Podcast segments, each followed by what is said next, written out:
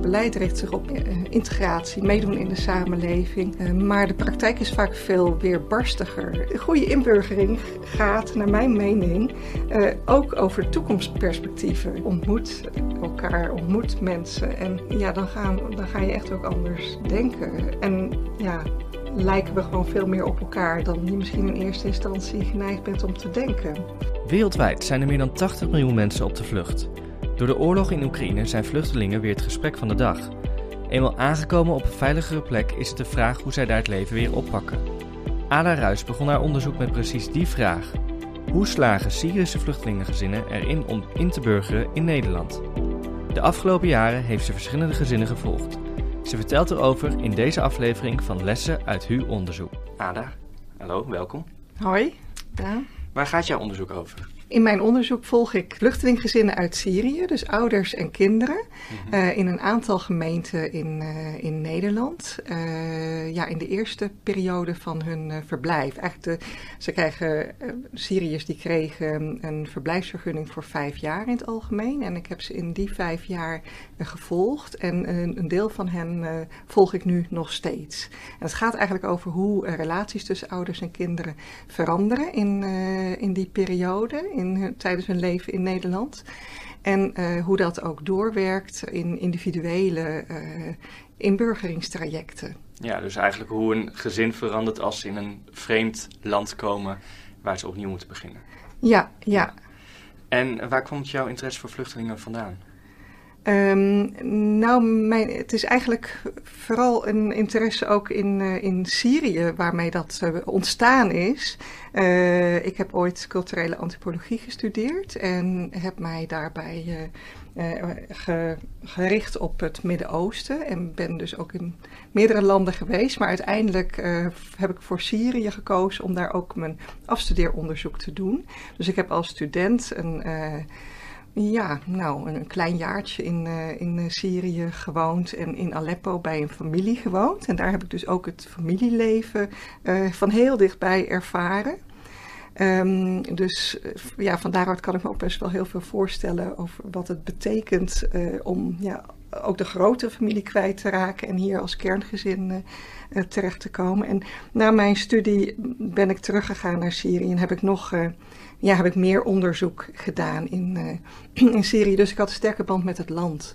En um, ja, toen die oorlog begon in 2011, had ik eigenlijk dus nog steeds best heel oude contacten ook. In, uh, vooral in Aleppo, maar ook wel in Damascus. En ja, toen ook iets later, dat is vooral vanaf 2013, dat er Syriërs naar Nederland begonnen te komen. Um, ja, toen heb ik contact opgenomen met een AZC bij mij in de woonomgeving. Die ging nieuw open en zou vooral gezinnen uit Syrië volgen.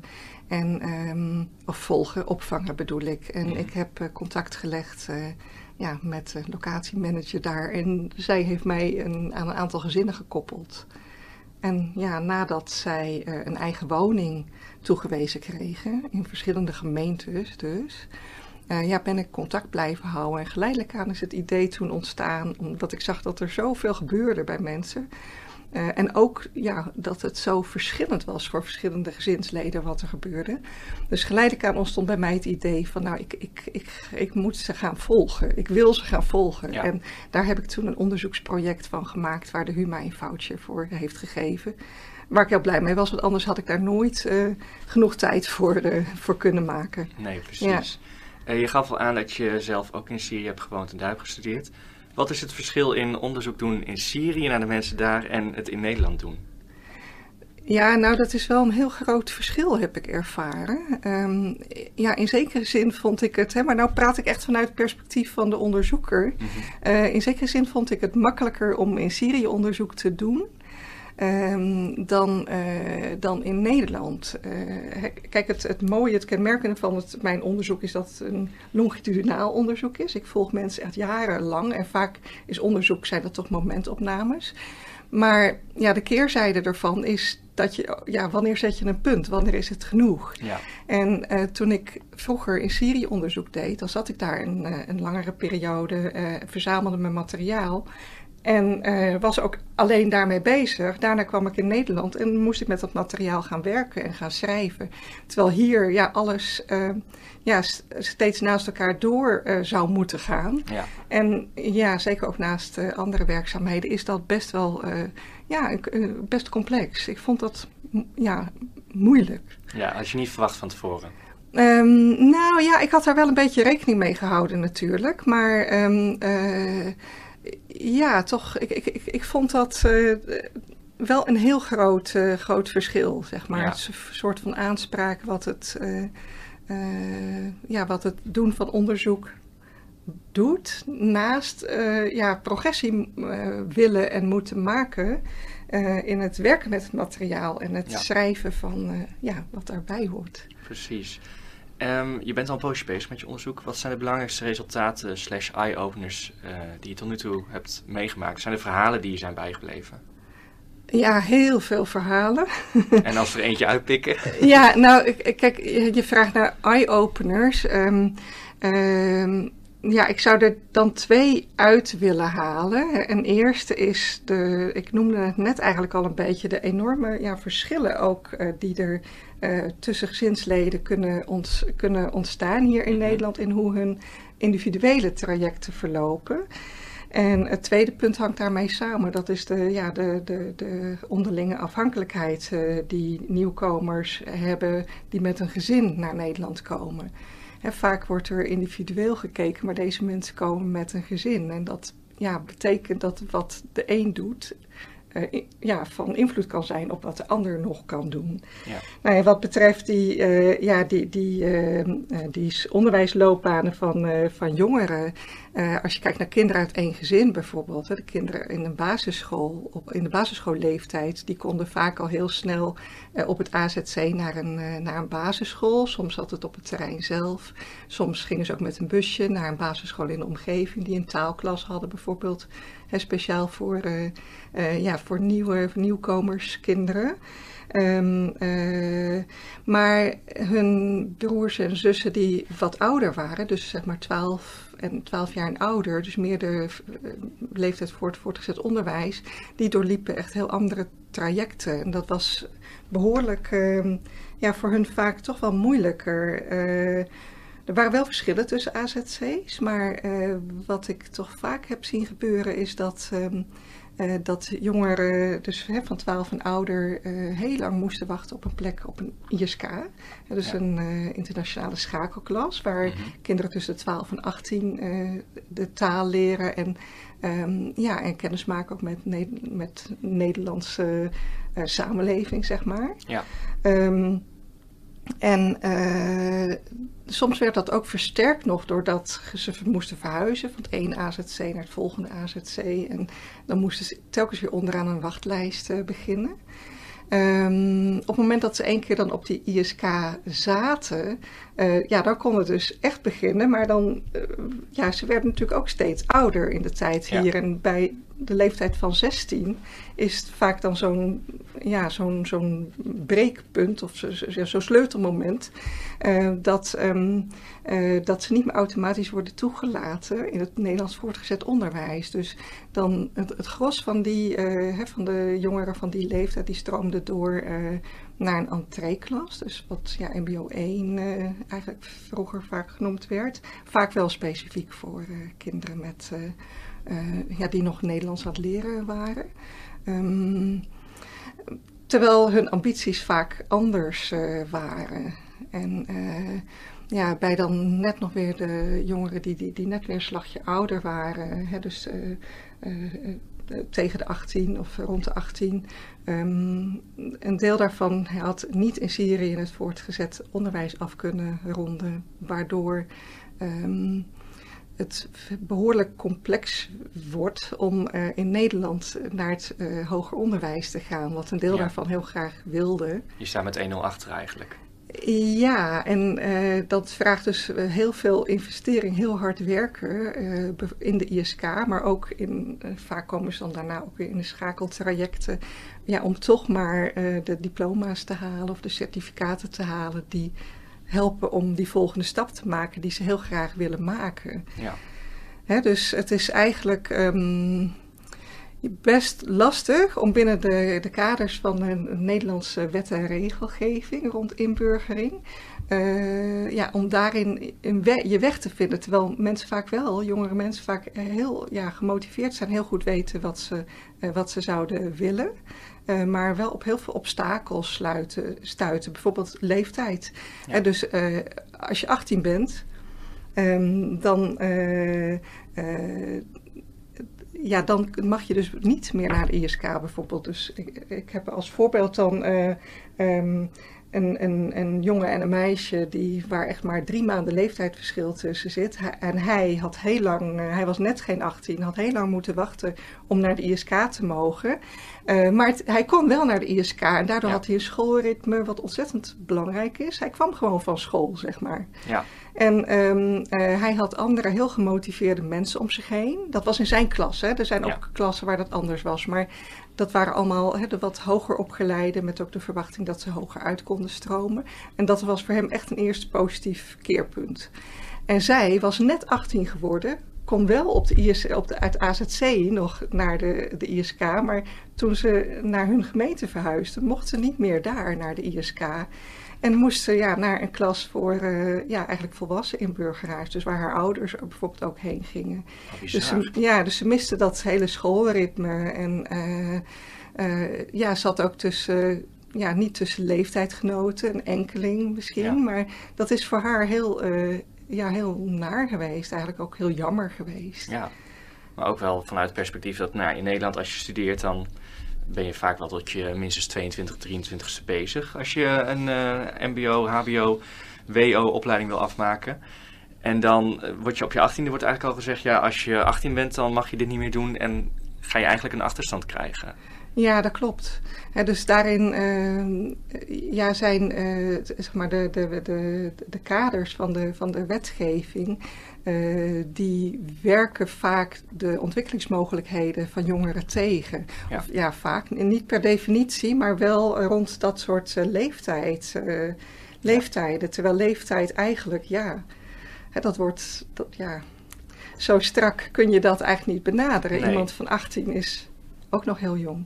Ja, voor je onderzoek volg je twaalf gezinnen, vijf jaar lang. sommige gezinnen volg jij al veel langer. hoe is je band met die gezinnen?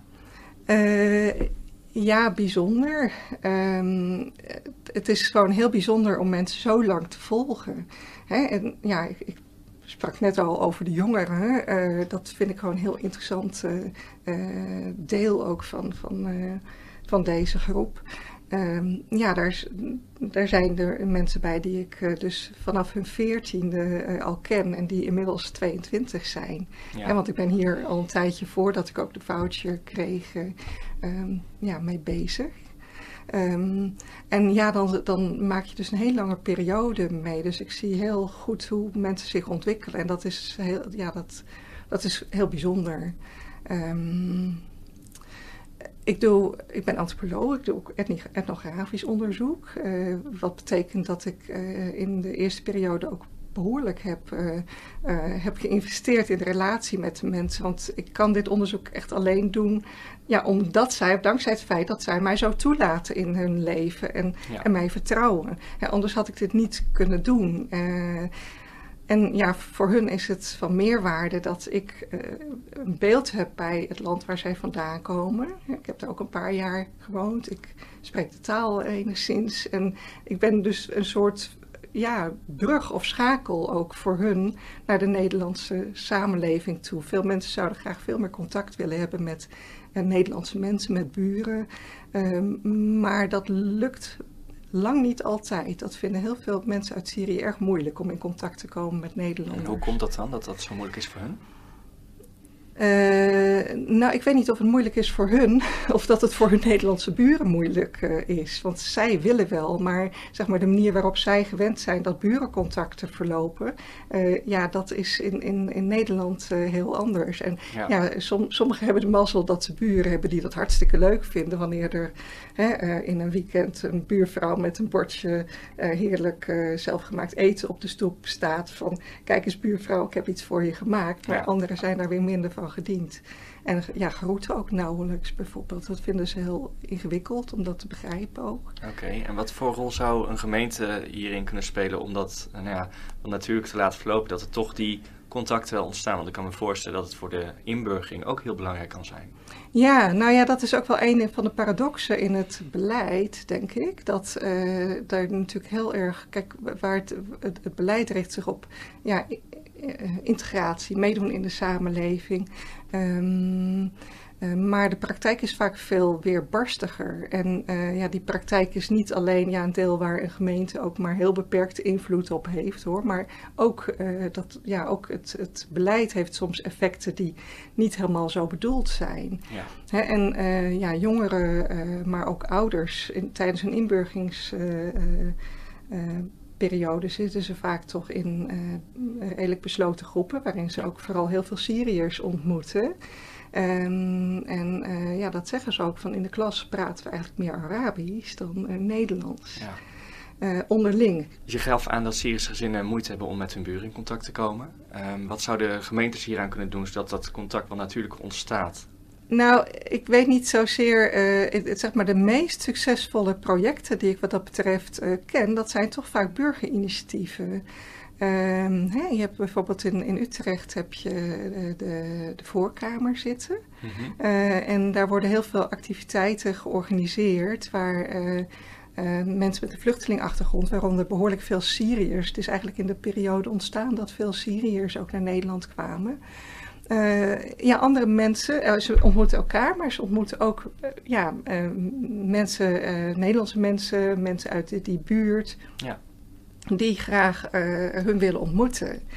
En maar dat bereikt dus vaak ook maar een deel van de mensen wat daar al naar op zoek is. Ja. want in, de, in die periode eh, dat er 2015, eh, 2016, dat er zo ontzettend veel mensen, met name uit Syrië ook kwamen. En uh, veel gemeentes noodopvang moesten uh, organiseren voor vluchtelingen. Had je in Utrecht uh, ja, bijvoorbeeld ook dat, uh, dat mensen in de jaarbeurs uh, opgevangen werden. Ja. En dat daar dan initiatieven ontstonden om aan buurtgenoten of mensen uit de buurt om die op te roepen van goh, en nodig een aantal vluchtelingen bij jullie thuis uit om, ja, om te komen eten. En daar zijn echt wel vriendschappen uit ontstaan die, die er nog steeds zijn. Ja. dus in die periode, ook in andere gemeentes uh, ken ik wel dat soort voorbeelden. Maar in de woonomgeving pakt het niet altijd zo uit. Zijn vaak mensen ja, in Nederland toch vaak heel erg op zichzelf en op hun privacy gesteld. En Um, nou ja, eh, Syrische mensen hebben natuurlijk in het begin ook best veel moeite met de, de Nederlandse taal. Sommigen nog steeds trouwens. Hè? Dan heb ik het vooral over de iets oudere mensen. Of mensen die toch weinig opleidingservaring hebben. Um, en dat kan ook een heel serieus obstakel uh, zijn. En dat is ook iets waarin dan hè, in het kader van, uh, als je het over gezinnen hebt, waarin je dan ziet dat de kinderen vaak ook een, een rol nemen uh, om hun ouders daarin te helpen. Ja, de rollen worden eigenlijk omgedraaid. De kinderen beginnen iets meer voor de ouders te zorgen wat dat betreft, dan de ouders voor de kinderen op dat gebied. Ja, precies, op dat gebied. Dat zeg je heel goed. Ja. Op andere gebieden blijft het echt nog wel, ja, blijven ze toch echt wel de ouders. En zo ervaren kinderen dat ook. En dat vinden ze ook heel fijn. Gelukkig, fijn. We hebben nu aardig veel over de jongeren gehad. Um, maar zijn er nog meer eye-openers geweest in jouw onderzoek? Ja, um, kijk, heel in het, uh, in het algemeen richten veel gemeentes zich ook uh, bij de uitvoering van hun beleid toch op uh, ja, individuele trajecten. En um, mensen die met hun gezin naar Nederland komen, die hebben eigenlijk twee, ja, wat ik dan noem projecten. En het eerste project dat is het familieproject. En het tweede, dat is het meer individuele project. Want helemaal individueel is het nooit, omdat ze met elkaar te maken hebben. Uh, maar wat toch meer gaat over, ja, wat wil ik met mijn leven? Nou, wat, waar het dan gaat over dat familieproject. Kijk, soms zijn mensen best ook een tijd uit elkaar geweest. Ja. Uh, hebben van alles meegemaakt uh, vaak. Een van de gezinsleden is vooruitgereisd. Vaak is dat de vader, maar het kan ook een oudste zoon zijn. En eh, dus ze moeten weer opnieuw in een heel andere setting gaan geven aan wie zij zijn als gezin. zonder die context van ja, ook andere familieleden om ze heen, die ze vaak enorm missen, omdat families heel erg hecht kunnen zijn in in Syrië. Ja, levensfase is daar ook wel heel erg belangrijk in. Want uh, ik had het net over verschillen tussen, uh, tussen broers en zussen. Maar als je naar ouders als een wat grotere groep kijkt, zijn er ook behoorlijk grote verschillen tussen de jongere ouders en de ouders die al wat ouder zijn. En zeker ook voor de oudere ehm, ja, mannen. zie je dat de, de, de impact ja, vaak gigantisch is. Omdat ja, in Syrië hadden heel veel mannen twee banen. Hè, waarbij ze dan overdag, ja, bijvoorbeeld bij een, uh, bij een gemeente, bij de gemeente of zo werkten en s'avonds dan wat bijverdienden in een winkeltje of ja. wat dan ook. Maar één inkomen was vaak voor veel gezinnen te weinig. Uh, dus ze waren heel veel van huis. Uh, ook uh, als ze dan thuis gegeten hadden, gingen ze vaak nog met vrienden op stap. En nu ja, zijn ze opeens heel veel thuis. En ja, vooral oudere mannen hebben toch wel moeite om. Ja, ze zijn hun sociale positie kwijtgeraakt, ja. zeg maar. En het is een heel groot verschil met hoe gezinnen in, in, in Syrië leefden. En ja, in sommige gezinnen pakt dat heel erg goed uit. Dat zijn vaak de gezinnen uh, waar de relaties tussen de ouders ook al behoorlijk goed en hecht uh, was. En daar steunen mensen elkaar enorm. En in andere gezinnen, uh, ja, zitten mensen elkaar ook wel eens wat meer in de weg. Ja. En nou ja, dan heb je dus dat, wat ik dan noem het, het meer individuele project, wat gaat over het vormgeven aan, aan eigen ambities. Dat is vaak het deel waar gemeentes of waar inburgeringsbeleid zich meer op richt. En ze in die context van dat gezin over het hoofd. Dat is wel heel erg jammer, uh, want kijk, op het moment dat er bijvoorbeeld, hè, gemeentes zijn dan vaak geneigd om te focussen op, uh, nou, op de man. Ja. Uh, omdat ze, zeker als het een jongere man is, uh, omdat ze ja, zo snel mogelijk ook willen dat gezinnen uit uitkering komen. Uh, en die krijgt dan ja, aanbod om in uh, schakeltrajecten mee te doen. Uh, ik ken bijvoorbeeld iemand die hier de pre-bachelor in, aan de HU heeft, heeft meegedaan. En ja, ik zag die man eigenlijk steeds, in begin dertig, steeds ja, ja, bijna wanhopiger worden. Om, en later ontdekte ik dus ja, dat hij uh, er enorm mee zat dat het feit dat, ja, dat, dat het zoveel invloed op zijn vrouw had. Ja. Want zij was uh, 25, 26, echt uh, jong. Maar ze hadden een heel een klein kindje. En doordat hij zo'n intensief traject moest volgen, lukte het haar niet meer om naar haar taalschool te gaan. Terwijl zij ook een goede opleiding had gehad in Syrië en heel graag wilde werken. Ja. En dat, dat is best wel een heel ja, pijnlijk voorbeeld, vind ik zelf. Hè, waarbij er op een gegeven moment ook, ze hebben op een gegeven moment een tweede kindje gekregen, omdat ze vonden dat het leeftijdsverschil ook anders zo groot werd. En ja, ja dat is ook ja, levensfase doet er gewoon toe. Ja. Kinderen krijg je in een bepaalde periode. Zeker wanneer je al begonnen bent met een gezin uh, opbouwen.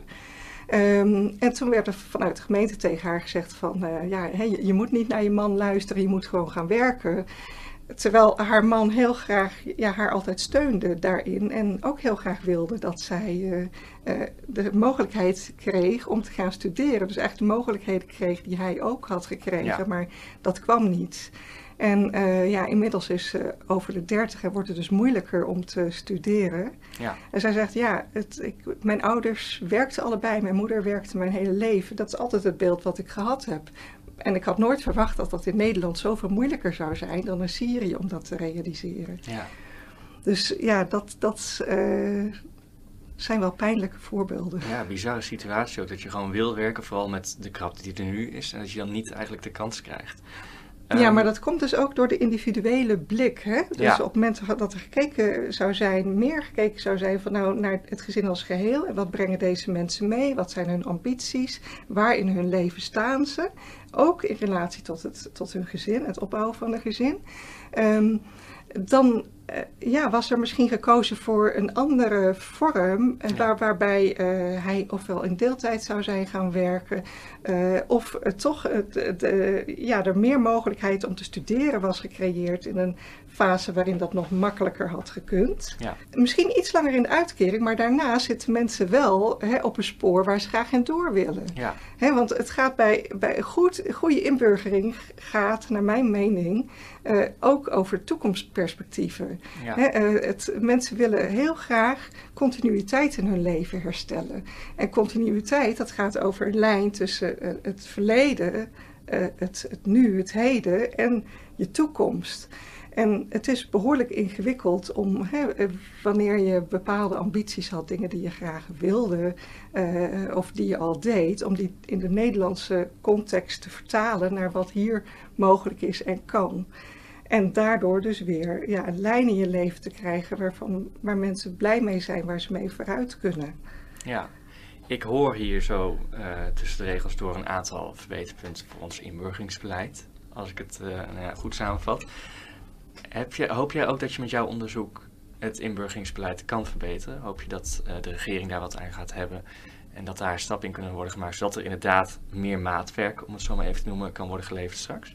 Ja, nou wat misschien nog wel relevant is om dan te noemen, dus dat, de gezinnen die ik heb gevolgd allemaal onder de wet inburgering 2013 uh, vielen en dat er in 2022 een, nieuwe uh, wet inburgering van start is gegaan.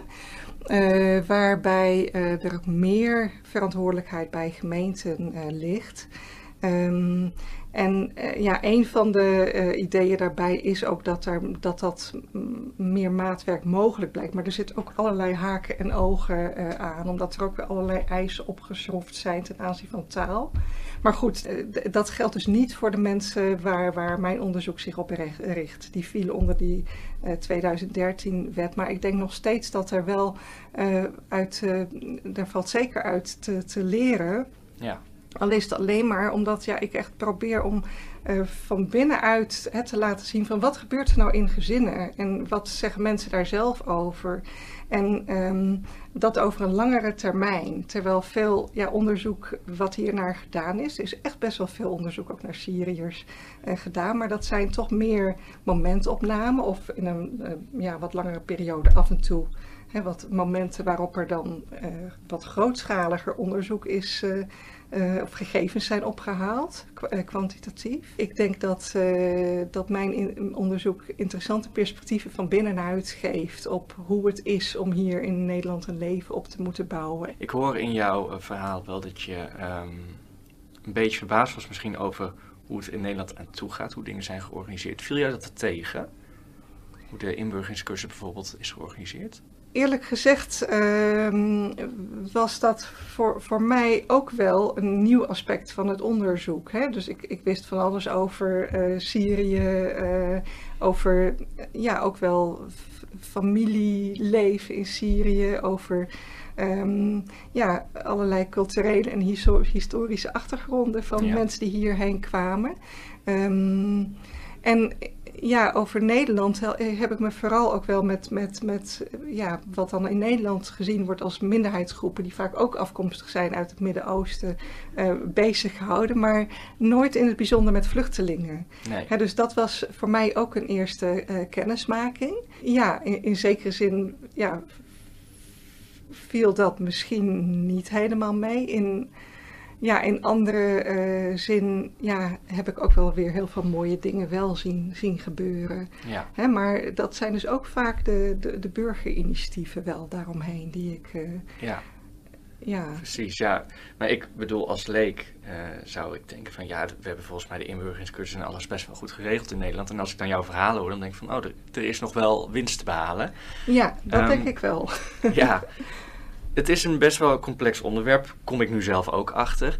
Wat is wat jou betreft een, een must-read of een must-see of misschien wel een must-visit uh, over dit onderwerp?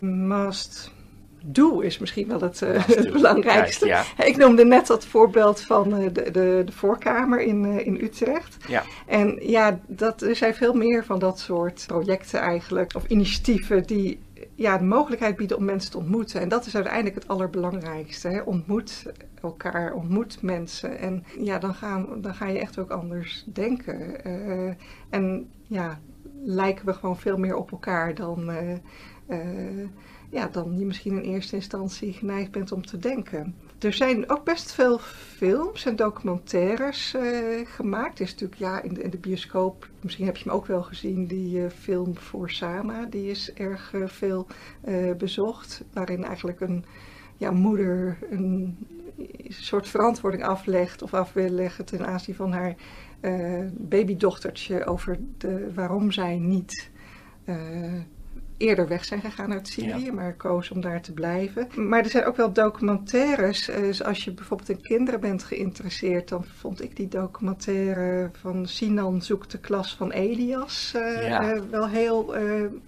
mooi.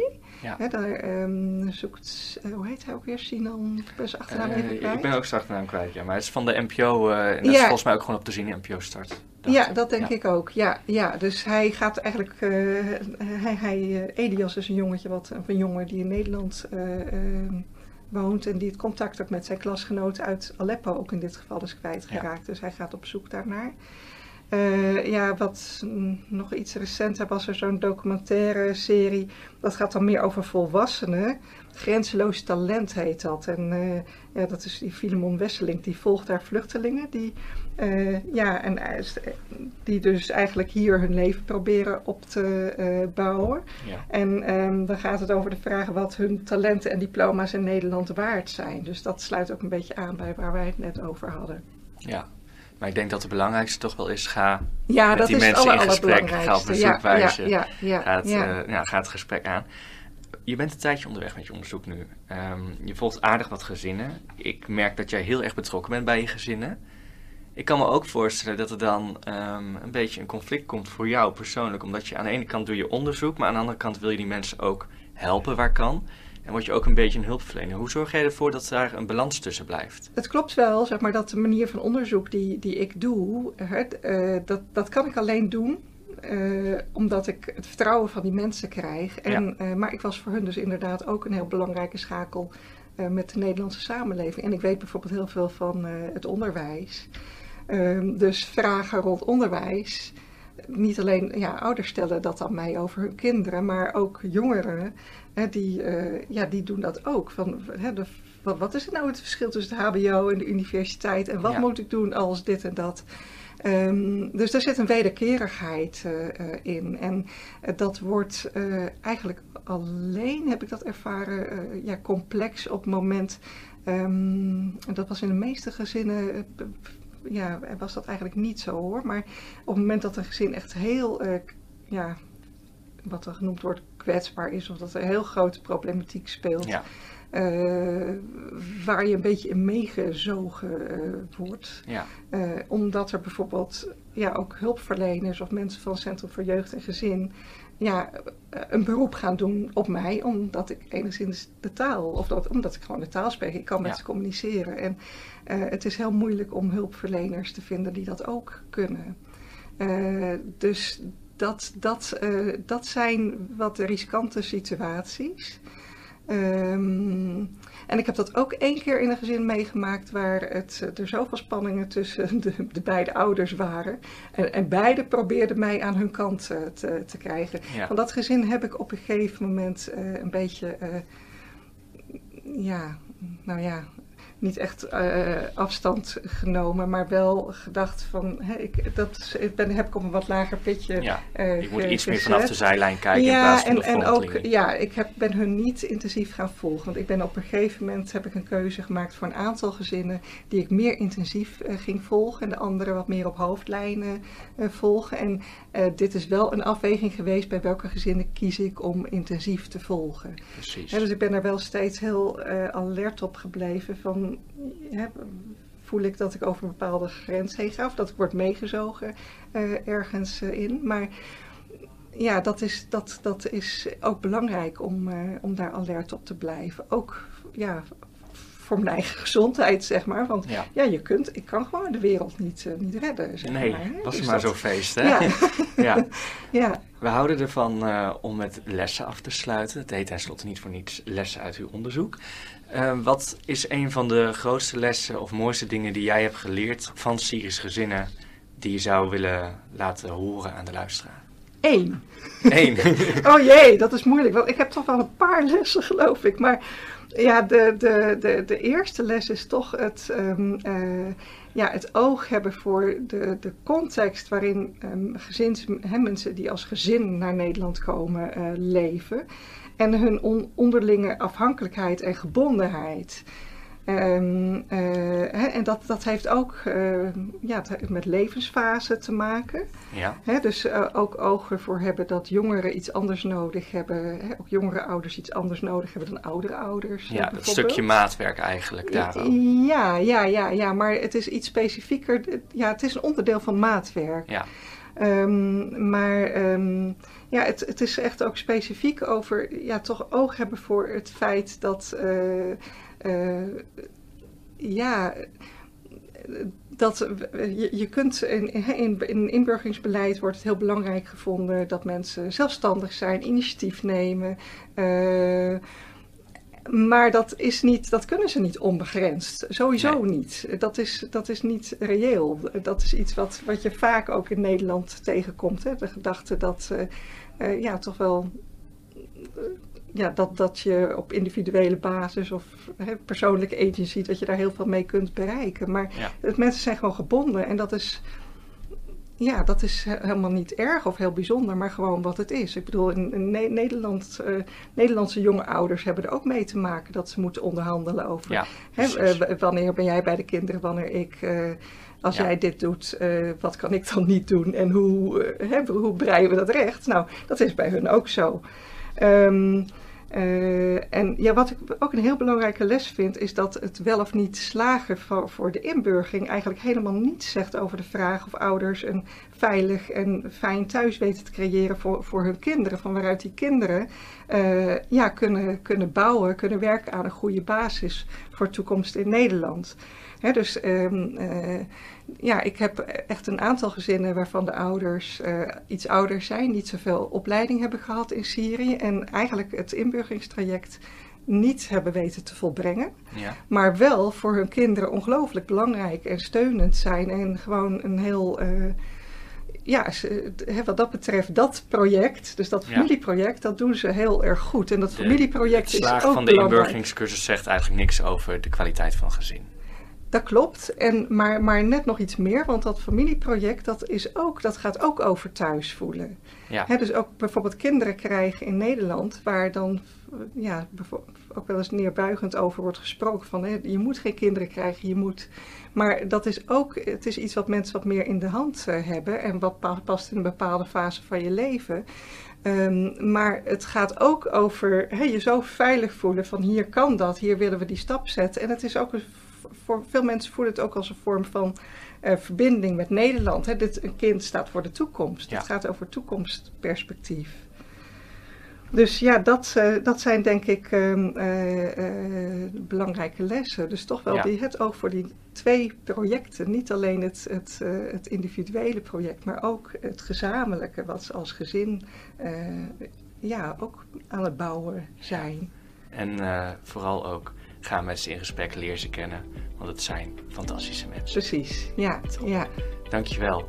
Dat was hem alweer. Benieuwd naar meer podcasts van Hogeschool Utrecht over ons onderzoek en onderwijs? Luister dan ook eens naar Sorry voor mijn broertje en Just Copyright en bekijk hu.nl. Vond je dit een leuke podcast? Deel deze dan vooral met mensen uit je netwerk. Tot de volgende aflevering van Les uit uw onderzoek, wat alweer de laatste zal zijn van dit tweede seizoen.